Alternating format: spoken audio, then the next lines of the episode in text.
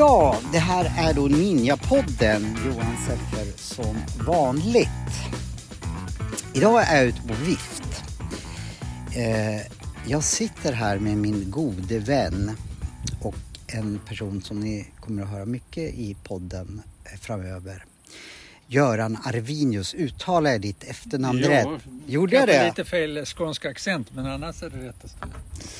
Eh, alltså, du är en... fasci- Alltså, innan eh, podden är slut så kommer alla veta exakt vad du har gjort och vem du är och så. Men du är en fascinerande person och vi sitter på ett fascinerande ställe eh, som heter Arbottna herrgård. Och vi ska ägna eh, det här första avsnittet med dig och prata mycket om Arbottna herrgård. För du har stora planer för det här och det passar så lysande in i Ninjapodden nämligen. Man kan nästan tro att du och jag hade liknande idéer vad du vill göra med, nin, eller med Ninjapodden. Vad du vill göra med Arbottna herrgård och vad jag vill göra med, med Ninjapodden fast det är totalt olika forum egentligen. Ja. Men man... Eh, jag tänkte så här. Vi börjar prata i första delen om vad Arbottna är. Och sen eh, får lyssnarna höra en fantastisk jingel. Och sen får man veta mer om vem Göran är. Känns det bra? Det känns underbart bra. Vad är Arbottna här? Arbottna, ja. Arbottna. Ja, Arbottna, ja. Där Åran bottnar, det här är ju ett ställe där har det bott folk sedan långt in, innan vikingatiden men vi tror att namnet Arbottna kommer någon gång under vikingatiden det betyder att åran bottnar för här runt eh, Arbottna så är det långgrunt så att eh, det var då man beskrev och Muskö som Arbottna ligger på. Det är också ett vikingauttryck som betyder den, Muskö betyder ju mörk den mörka ön för att det faller skugga på den norra sidan för det är så höga klippor som går upp där som fäller in skugga på ön. Eh, Vi kanske ska säga det. För Muskö för mig, det är ju militärer liksom. Och det är det Muskö eh, som man förknippar med militärer Ja. vi befinner oss på. Ja, Bara ta sig hit måste man åka genom en tunnel. ja, ja, Lite coolt. ja. Hur upptäckte du Arbottna? Ja, det är det som är lite magi. Jag vet inte hur du ser på det Johan, men jag tycker ju äldre jag blir så blir jag allt mer fascinerad av hur allting interfolierar, att det finns en mening med olika saker. Och mitt uppvaknande var ju säkert för 15-16 år sedan när jag insåg att jag inte kände en enda människa som var riktigt frisk längre. Att någonting hade gått fundamentalt fel. För vi är ju faktiskt födda för att vara friska och inte för att vara sjuka men vi har beställt in oss i det moderna samhället att efter vi har fyllt 50 så ska vi bara bli sjukare och sjukare. Och det är ju folk också. Eh, Så att då ville jag hitta ett ställe där man kunde gå tillbaka i tiden och leva ute i naturen med ett jordbruk nära djur och natur. Och där man kunde bygga byar, bo nära varandra, ha mycket umgänge och göra sociala aktiviteter tillsammans. För det är ju, vet ni ju alla idag, kanske vårt största hälsoproblem det är ju ensamhet. Och depression. Och depression föds ju i ensamhet. Då är det så lyckligt i det stora världen händer då att då bestämmer man sig för 14 år sedan att det svenska försvaret ska läggas ner och att vi ska åka och kriga i Afghanistan istället. Så då bestämde sig försvaret för att sälja ut den här fantastiska fastigheten Arbottna. 220 hektar vidunderlig natur. Det är alltså med insjö, hav, ängar, skogsmark, blandskogar, granskogar, tallskogar. Eh, så att det är så varierande och det är så vackert. Och det som kanske är det finaste av allt här, det är att det är helt tyst. Det är inga flygplan som flyger här över, det finns inga bilar, inga båtar. Försvaret har alla mark runt omkring. Men just den här fastigheten på 220 hektar, den sålde man ut just då för 13 år sedan. Och det passar ju precis med det jag sökte. Så då hade jag förmånen att kunna förvärva den här fastigheten. Vad coolt. Vi ska ju lägga ut massa bilder här, här, härifrån som ni ser mer av vad Göran pratar om. Men det, det, det, det, det, heter ju Arbottna herrgård. Det är ju då ett, en herrgård med flyglar och eh, stall och mm, jag bara svarade, visade mig första gången jag var lite runt men det, det, det är ju liksom mycket, det är inte bara en herrgård, det det är saker omkring herrgården Ja, det är ju gammalt jordbruk Mm. här. Ja. Med gamla stall och ladugårdar och allt som tillhör ett riktigt jordbruk. Ja. Och det är det vi väcker upp nu igen. Ja. Du får väl, du måste ju, vi, ska, vi kommer att grotta ner oss mer om vad, vad, vad komma skall. Men vad, vad har du, jag tycker vi drar ändå lite nu. Vad har du för, du har stora planer för det här stället. Ja. Det är ju en tidsresa. När alla våra kids sitter och gör sina tidsresor på datorn så får vi äldre se om vi kan göra en tidsresa i reality. Så att det jag vill göra här det är ju dels att bygga upp byar som förr i världen, lite grann som Söders höjda. Med en bygata längs med en grusad bygata där inga bilar får köra. Och där man har verandor och allt har vända mot gatan där man tvingas möta sina grannar eh, när man går till posten eller till soporna eller till parkeringen på olika håll där man korsar varandras vägar hela tiden. Och där vi då som eh, driver det här och ordnar mycket aktiviteter där folk hela tiden kan springa ut och spela badminton eller bull eller gå på en yoga tillsammans eller en föredrag på kvällen eller bara gå ner vid lilla pub och ta en öl och snacka. Eller, att allting byggs efter vårt stora ledord, det som gör, leder, säga, styr allt vi gör det är ordet gemenskap. Så det är det viktigaste med allt vi har. Sen har vi två underord som betyder hälsa och glädje. Vi vill sen också gärna att folk ska äta så hälsosam mat som möjligt eh, från egna odlingar där du har fullt näringsvärde, egna ägg, eget kött. Vi har ju vilt här också, så vi kan äta viltkött. Så både maten och umgänget och sen också att man har rika möjligheter både med ett utegym och det gym vi ska bygga nu, ett spa och gym på vintern så man kan sitta inne och röra sig också. Kan man Det säga att, att eh, framtidens Arbottna tar hand om både kropp och själ, både yttre och inre Ja, välmående? ja, ja. Och då är glädjen jätteviktig. För den, tyvärr tycker jag, jag har varit runt själv och handskat runt. Jag har hållit på med yoga i, sedan 80-talet. Jag var- Då var du tidig med yoga. Ja, väldigt tidigt. Det var ju bara några danskar som kom upp till Sverige då. och Skandinavisk yoga och meditation heter det. Obskyr, man är så, så oerhört obskyra som höll på med Jag tänkte vi ska, i, i andra delen ska vi grotta ner oss mer i, i dig som person och, och vem du, för du har inte hela tiden eh, haft de här, den här karriären. Du, vi kommer ifrån typ samma eh, mediavärld du och jag. Eh, men om man tar då Arbottna, eh, Jo, för jag vill bara Ja. lägga till det. Eh, alla retriter jag har varit på tidigare för hälsa så är det ge- mycket hälsa. Det är råkost och det är tystnad och det är asketiska anläggningar som nästan har utedass fortfarande och så vidare. Så att det är enkelt och asketiskt. Så att jag har alltid tyckt det var så tråkigt lite grann för det finns ingen glädje. Man dricker och äter ingenting gott. Man umgås inte på kvällarna på något speciellt kul sätt och så vidare. Så det är ju det jag vill lägga till här. Att vi lägger till hälsoaspekten men det ska också vara kul att vara här. Hälsa och glädje. Jag tror, jag tror det där är jätteviktigt. Eh, det är lite som, som Ninjapodden. Ska, man ska både kunna lära sig någonting men ändå, vi kallar oss humoristisk podd också för att, att, att eh, bo, få, få, bo, få både och liksom normal, eller normalt, det finns inget som är normalt men oftast tänker man ja men nu ska jag leva hälsosamt, nu ska jag träna nu och då räknas det in som det tråkiga. Ja, det liksom. tråkiga, ja, ja. nu får jag bita i det sura äpplet säger man ofta. Ja. Ta tag i det här. Ja. Så. Men, men så där tror jag att du tänker helt rätt att blanda de här både att man kan ha roligt och må bra. Ja, och det får jag ibland skit i, för att vi har ju då en restaurang här ute och hotellverksamhet och sånt som är igång nu redan innan byn är byggd.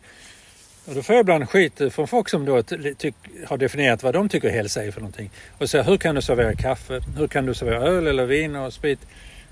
Och hur kan du servera kött? Eh, och då säger jag som så att när det gäller kaffe och öl och vin och sånt där så är ju vårt ledord över allt annat är ju gemenskap. Och se den gemenskap som finns i våra samhällen någonstans som inte är över en dryck.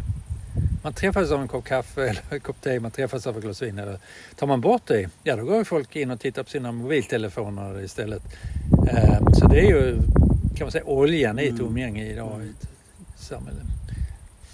Men berätta lite hur... Vad, om du får nu, vi leker att, att du får, får allt som du vill. Hur kommer din, hur är din vision för Arbottna? Vad, vad, vad, kommer man, vad kommer det här att bli? Om allt går som... Ja, det är ju en tidsresa då och det tror jag alla kan bli rätt fascinerade av om man studerar hur det var på 1700-talet. Visserligen söp man som idioter då men förutom det så var ju folk oerhört friska. Ni läser Portava och eh, berättelserna om hur soldaterna vad de kunde tåla rent fysiskt. Så är det helt otroligt. Alltså, vi hade ju alla som går på gym och känner oss starka, vi hade ju dött i, på några timmar. Så hade vi inte kommit till mig. Eh, utan de hade ju en fysisk eh, styrka som, och, fysisk och psykisk styrka som är otroligt imponerande. Och det är det jag försöker eh, se om vi kan återskapa på något sätt här ute på Vad spännande! Men eh, för det första, finns det någon, jag har aldrig hört talas om någonting liknande. Finns det någon förebild någonstans eller kommer allt ifrån ditt huvud? Nej, det är verkligen inte. Det, det är som med allting annat här i världen, att allting ligger ju i någon databank utanför våra egna hjärnor. Utan eh, det channels ner olika trender hela tiden. Man kan inte förstå varför. Mm. Ett vill alla gå klädda i brunt eller så vad det så blir alla kommunister världen över. Eller så vad det så blir alla eh, kapitalister och vad det bara. Det går i trender som ingen kan förklara riktigt var kom det ifrån. Alltså. Så man kan inte säga så här, ja men förebilden är ba stället i där och där utan det här, det finns ingen, Nej. det, det du tänker alltså? Det Ja, finns, utan det är ju den, kan man säga, snarare en kunskapsbank väl, som har i forskning och allting som har kommit eh, simultant över hela världen och sen så är vi ett antal människor då som försöker kanske omsätta det i praktik. Eh, och jag blev själv så fascinerad för när vi har hållit på med det här projektet i 5-6 år, vi har hållit på nu då i 13 år och bygga det här. Eh, så hörde jag efter 5-6 år att det finns ett liknande ställe i USA som var nästan till likadant. Och sen åkte jag dit och kollade med dem och då visste de ställen i Australien och sen visade det sig att det finns ett helt nätverk med, eh, som växer upp ungefär simultant. Det är jävligt intressant och jag, ingen av oss visste om de andra. Så när det, hur, hur, ligger, hur ligger du till i tidsplaneringen då? När, ja, alltså stället tar emot gäster nu så det är inte någonting som, alltså som, där är ni ju redan igång men när, hur ligger du till tids, i tidsaspekter? Ja, allting är ju igång kan man säga. Mm. Vi har ju en affär här på sommaren och eh, vi ordnar ju så hela tiden aktiviteter, yoga och retreater och bla, bla, bla. Så den sidan är igång och vårt jordbruk är igång så att vi är stor del självförsörjande just nu på grönsaker. Men det som ändå eh, var tänkt att vara själva kärnan i det här projektet, byn, de här första 120 hushållen som vi ska bygga här. Det har ju tagit mycket, mycket längre tid. Vi trodde det skulle ta 5-6 år att få bygglov. Nu är vi inne på vårt tolfte år fortfarande en bygglov. Så det kan ju vara intressant för de som lyssnar att känna till att Sverige är det land i världen som har längst tid för att få rätt att bygga ett bygglov. Alltså i Sverige. Det tar 12-13 år runt Stockholm. Jag har hört att Sverige är det mest byråkratiska landet i hela världen. ja. det, det är bara att Vi har så många konstiga regler. Vi är det enda land i världen som har artskyddat all växtlighet. Liksom, så att även ett grässtrå har lika stor bärighet som ett gammal lind och så vidare. Så att det är hemskt svårt att hitta någon mark där man får bygga på. Vi ska säga det i samband när vi lägger ut det här avsnittet eh, eh, så ska vi se till att eh, man länkar till hemsidor och sådär just om Arbottna. Så man kan läsa sig om mer information om just Ja. Arbottna. Ja. Eh, jag tänkte så här, vi kanske ska ta en, eh, en bensträckare och folk får pudra sin berömda näsa. Eh, så återkommer vi eh, efter pausen och då grottar vi ner oss lite vem du är. För du har ju levt ett, du lever ett fascinerande liv och har levt. Eh, lite mer om vem du, vem du är.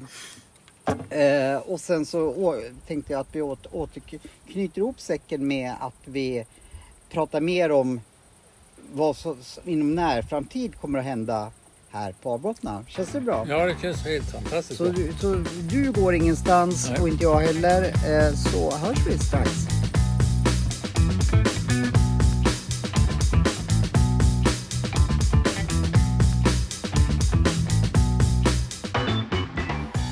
Vi tillbaka här och vi har förflyttat oss till solen. Vi har en fantastisk utsikt där vi tittar ut över ängar och ett växthus.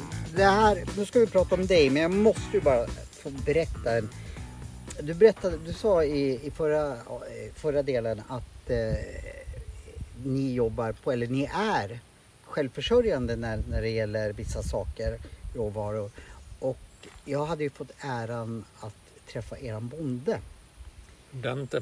Och när jag såg honom, jag tänkte, ja en bonde så är väl en människa som har snickarbyxor typ, eller så här hängselbyxor. Men han ser ju mer ut som en rockstjärna. ja. Så det var lite coolt och han då höll han på att odla sockerärtor tror jag, Ja. eh, som, som ni serverar Ja. här. Det var en passus. Men du och jag har ju tydligen jobbat inom samma bransch eh, och vi har faktiskt aldrig stött ihop innan. Så jag är ju lika nyfiken som lyssnarna. Dra din eh, yrkesmässiga karriär innan du hamnar här. ja, min yrkesmässiga karriär var väl egentligen eh, en kompensation för ett misslyckande för att jag ville ju helst komma in på läkarlinjen men det gjorde jag inte. Så att eh, då fick jag kasta om eh, denna enorma besvikelse att inte bli läkare till att säga vad fan ska jag göra, då istället.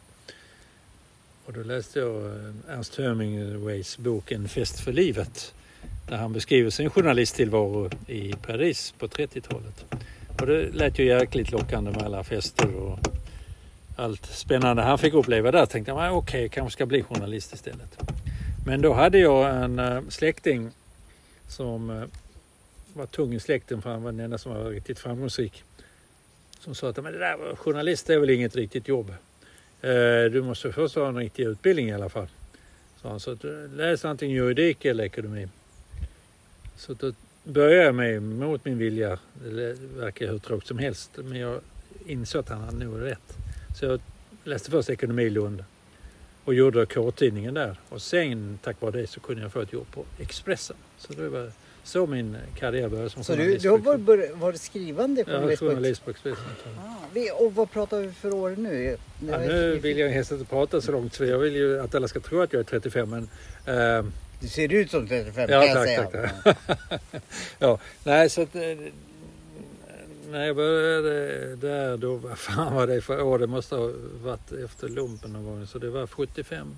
Ska jag tro, 75 Det var 76. under typ Ulf Nilssons tid eh, och så. Ja, de stora stjärnorna. Ja. Fan vad coolt. Eh, Men jag jobbar ju på Expressen i Malmö så då hade ju man ju skickat Ja, ner. det, det, kanske, det har nog lyssnarna eh, redan upptäckt. Du är ju inte uppvuxen på Muskö precis. Nej, Med nej. tanke på dialekten. Nej. Det är Malmö som... Jag är uppfödd i en förort i Malmö så jag har ju absolut ingen herrgårdsbakgrund. Eller. Aha. Så att eh, jag känner mig väl- fortfarande som en oerhört främmande fågel i den här fina miljön. Jag känner mig mycket mer hemma när jag besöker en förort i Malmö än här. Men, Ja. men ah, då, då var du på Malmö, Malmö. Du började alltså på Malmö... Expressen. Ja, Malmö Expressen.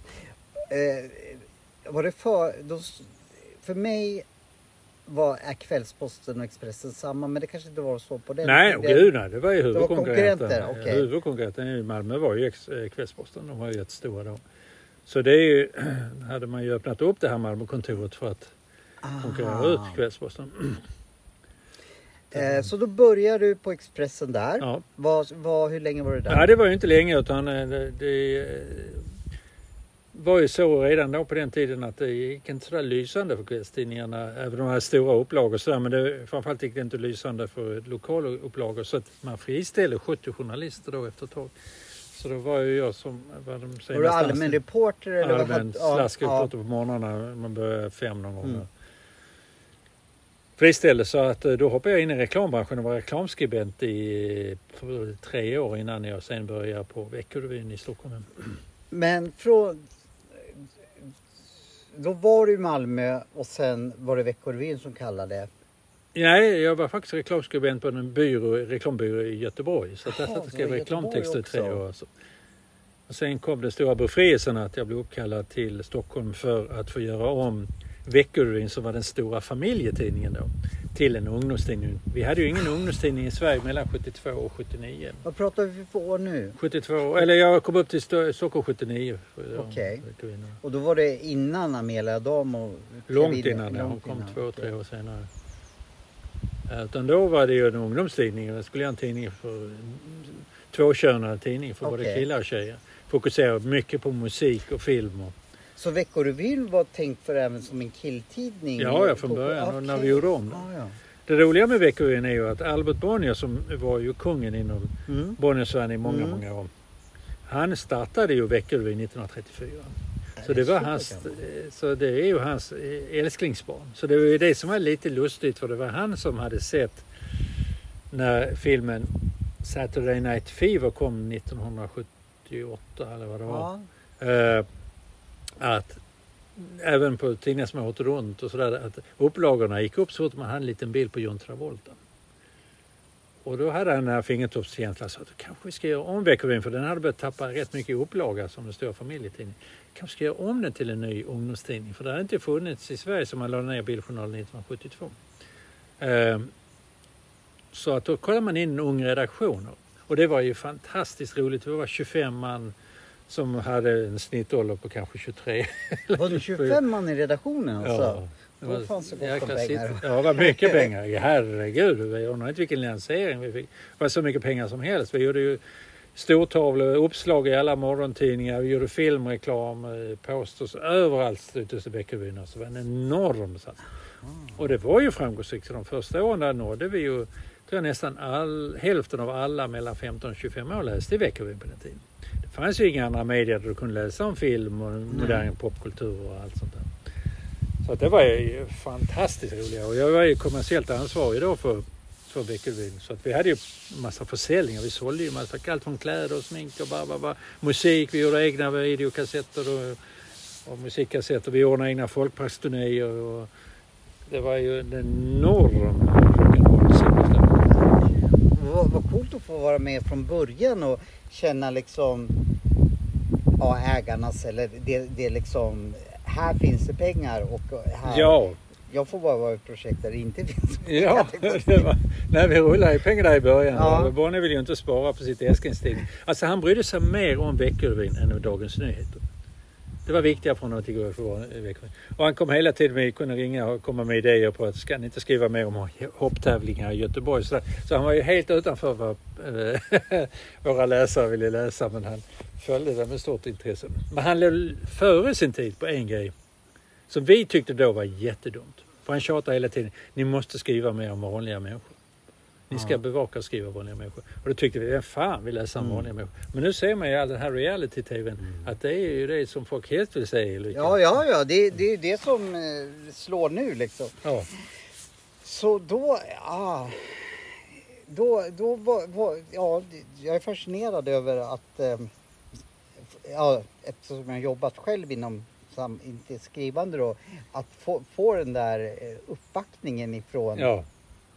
Hur länge var du på Veckorevyn? Jag var där i fem år och det var en oerhört intressant resa för att vi unga människor och det har jag haft enorm glädje av resten av mitt liv i yrkeslivet. Det är att då var vi i snitt, säg vi var 24-25 år gamla.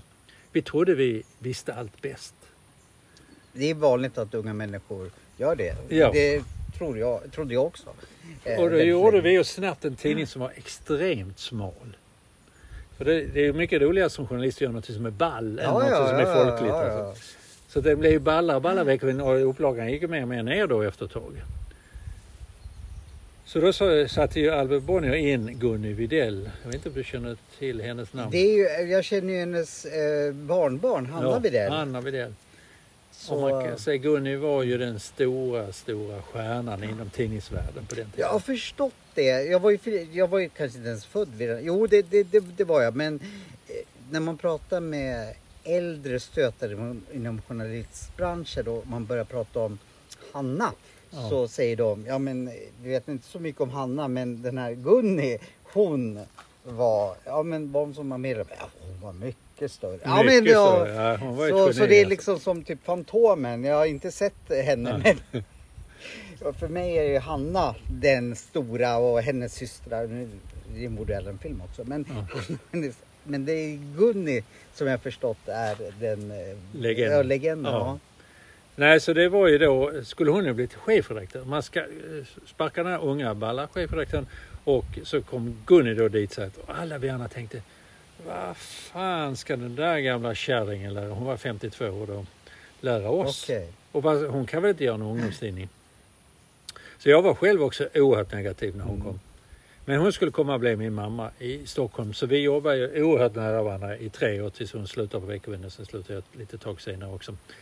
Och hon lärde mig allt jag kan jag säga, om Det är kanske inte, men jag personligen nu, vad kom Gunni Wedell eftersom innan Veckorevyn? Ja, Var- hon hade själv en oerhört enkel bakgrund från eh, Norrland. Så hon Okej. hade ju kommit ner till Stockholm och jag tror hon började som någon typ av sekreterare från början och sen jobbat sig upp. Så. Och visade då sin enorma talang i att säga det här säljer, den här vinklingen, den här bilden är den lockar, den här rubriken. Alltså hon hade ju hela perspektiv på bara hela innehållet i tidningen hur det skulle vinklas på olika sätt. Och kom hela tiden med oerhört smarta reportageidéer. Så hon var ju eh, workaholic.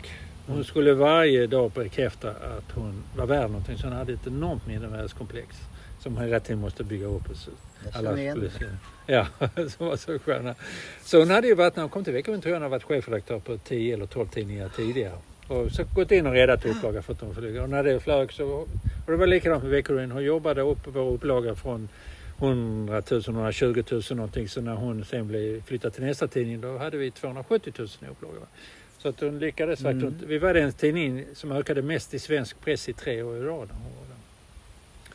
Men hon var ju jobbig att jobba med. Alltså att hon eh, kunde ringa mig mitt i natten. Hon var krävande man. Ja, och nu har jag en ny idé här och du måste höra, vad tror du ska vi göra här?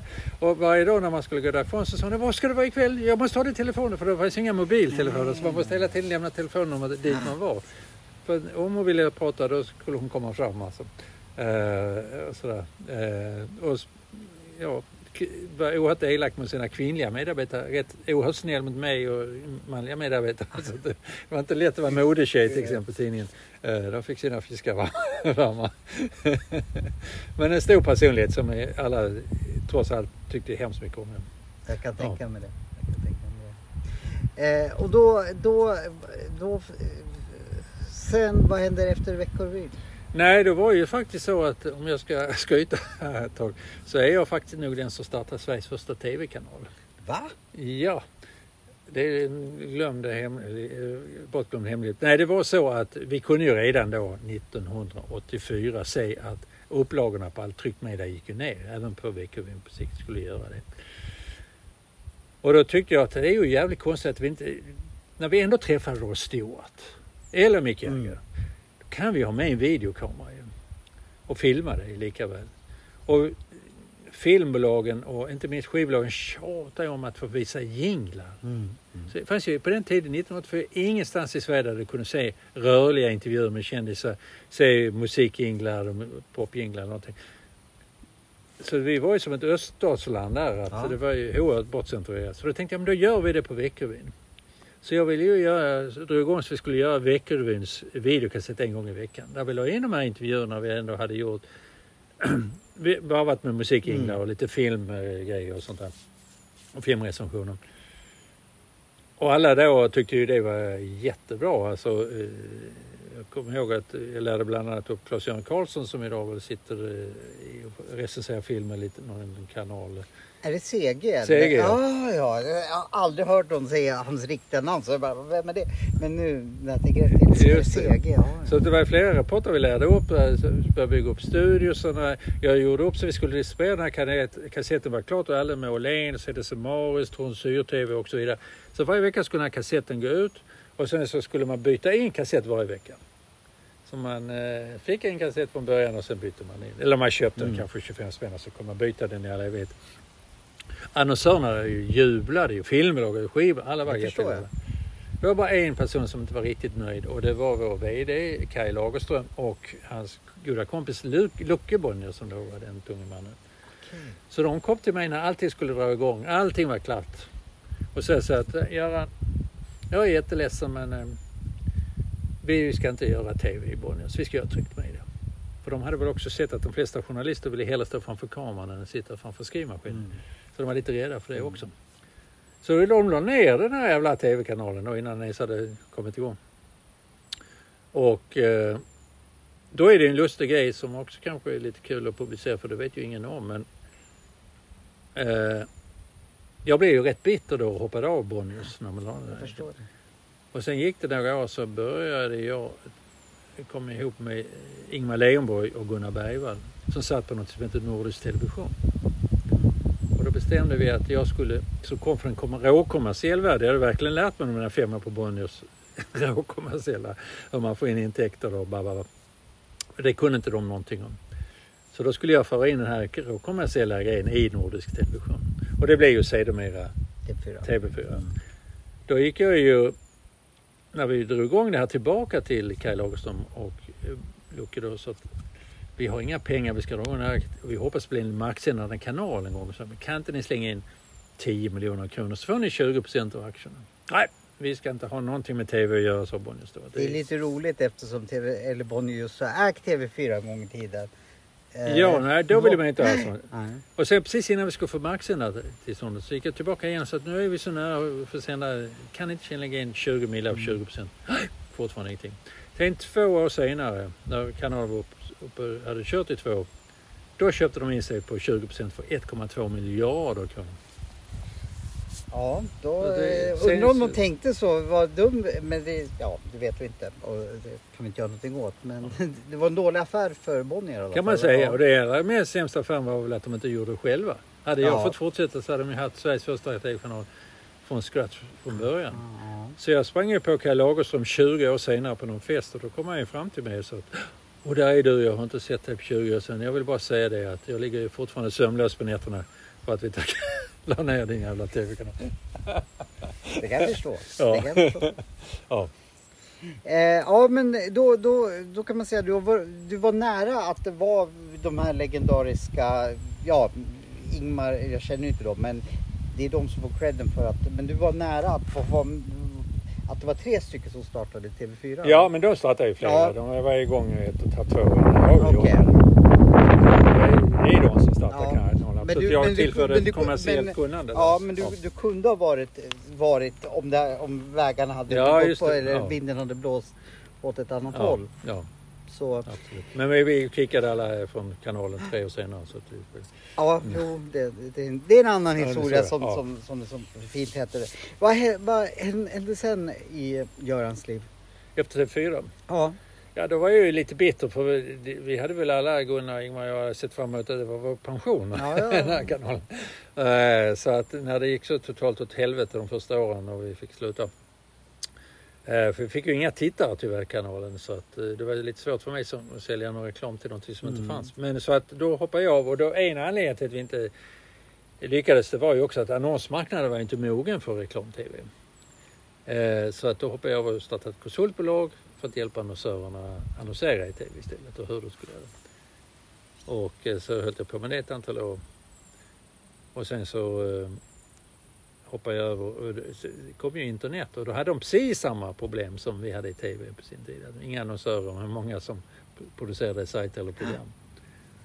Så då eh, startade jag då en försäljningsverksamhet där för att sälja reklam till de olika sajterna. Så, så, att, eh, så höll jag på med det ett antal år och sen så eh, sålde jag det bolaget och sen har jag då jobbat med att eh, jobba med en massa småbolag och dra igång olika småverksamheter är vi nu inne i Arbotta-tiden eller? Eller när du... Eller är det... Eh, jag försöker få en röd tråd i, i, i, i ditt eh, karriärsliv. Ja, det är väl att starta bolag kan jag säga.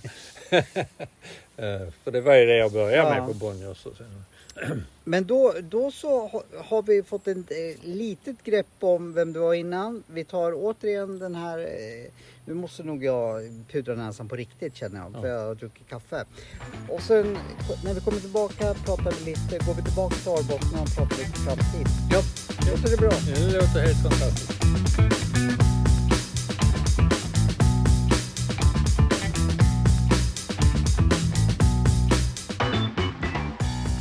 Tror väl inte nu att ni lyssnar på Ninjapodden va? Eh, jag blir så skötsam när jag sitter här med Göran. Han är så busig. Eh, brukar de gå, gå omkring i vad heter det? banan? banan? Inte banan, brukar det vara banan? Alltså, det tänkte jag på nu. Alltså, träffas i Jag har antingen en Melita, vad heter det, Melita påse eller vad det kallas på huvudet eller en bandana när solen ligger på för mycket. Annars blir jag alldeles vithårig. Här. Ja men du, det, det är coolt.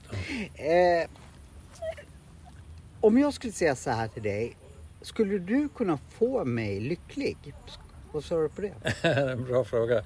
Det låter ungefär som när man friar till någon, eller eh, eh, jag skulle gärna försöka. Jag tror att man vet idag i vetenskap rätt mycket mekanismerna bakom vad som krävs för att man ska uppleva lycka. Och eh, det hoppas vi kanske kan gå igenom i den kommande på de här elva vägarna till lyckan som vetenskapen mm. tror på idag. Kan du lova mig att nästa avsnitt som du är med, att jag blir jättenyfiken. Det finns alltså elva Vetenskapliga, vetenskapliga ja, de, varför säger du det här just när vi ska börja avrunda det här? Det här vill jag ju veta. Lovar att nästa avsnitt grottar vi ner oss i våra elva. Så får du känna själv vilka du har provat och vad du tror om de olika. Ja. Eh, jag kan säga att när jag inte kunde bli läkare så har jag hämnats på systemet genom att jag sedan dess hela mitt liv försökt följa all forskning vad det gäller hälsa. Vad ska man göra för att inte bli sjuk?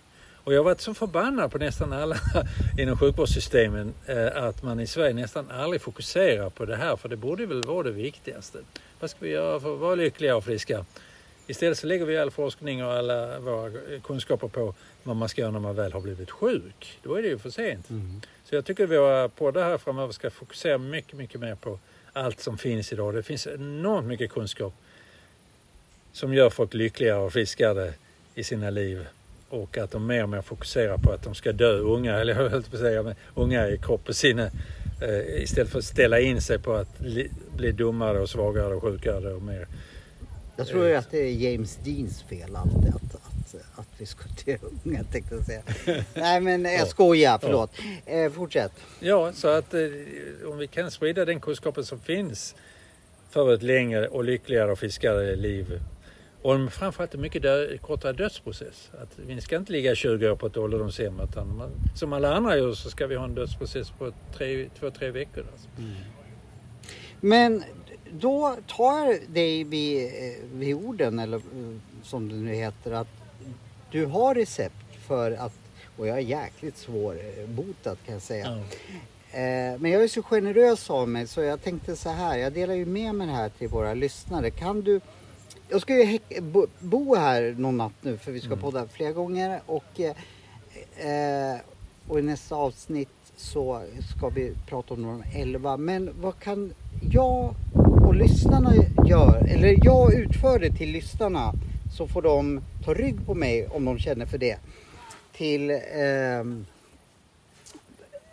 vad första vad var det för första råd? Och eh, jag gillar ju utmaningar, träningar under tiden jag är här nu. Så redovisar vi det resultatet i nästa podd. Din första utmaning för att bli lycklig menar ja, du? Ja, jag vill börja nu. Liksom, googlar man ja. på otålig så får man ja. upp en bild på mig. Ja, det bästa rådet som jag tycker i alla fall har varit i mitt liv det är att du varje kväll innan du somnade in.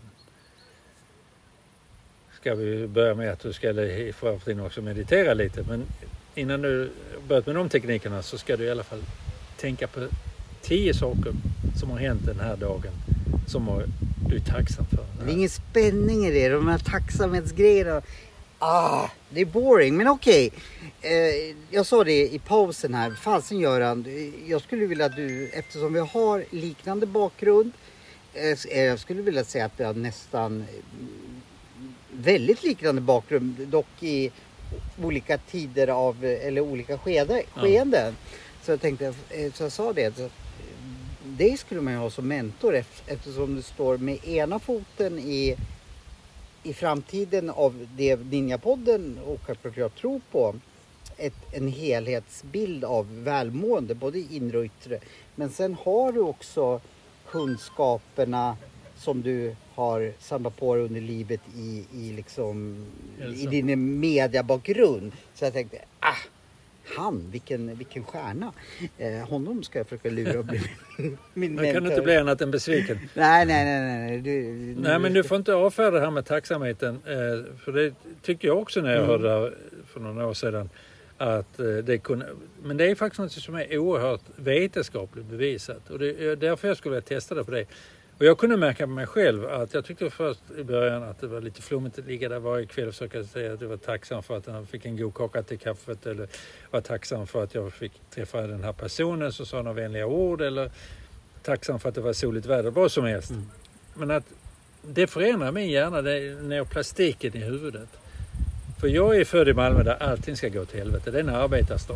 Man har svordom till nästan alla Men subjekter. jag har ju Zlatan trots allt som det inte gick åt helvete. Ja, och har man sen läst lite på universitetet lär man sig ännu mer leta för en fel. Och sen lägger man för det kryddan journalist där man bara letar problem. Mm.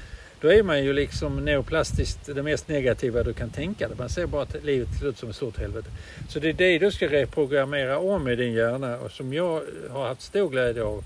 Att man då sakta men säkert mer och mer varje dag fokuserar på det positiva. Istället för att tänka att det här kaffet var inte riktigt varmt så man tänker man, fan vad schysst att jag fick en kopp kaffe. Att man ändrar hela tiden sitt perspektiv. Jag köper ju den teorin och eh, jag tror ju att den skulle funka.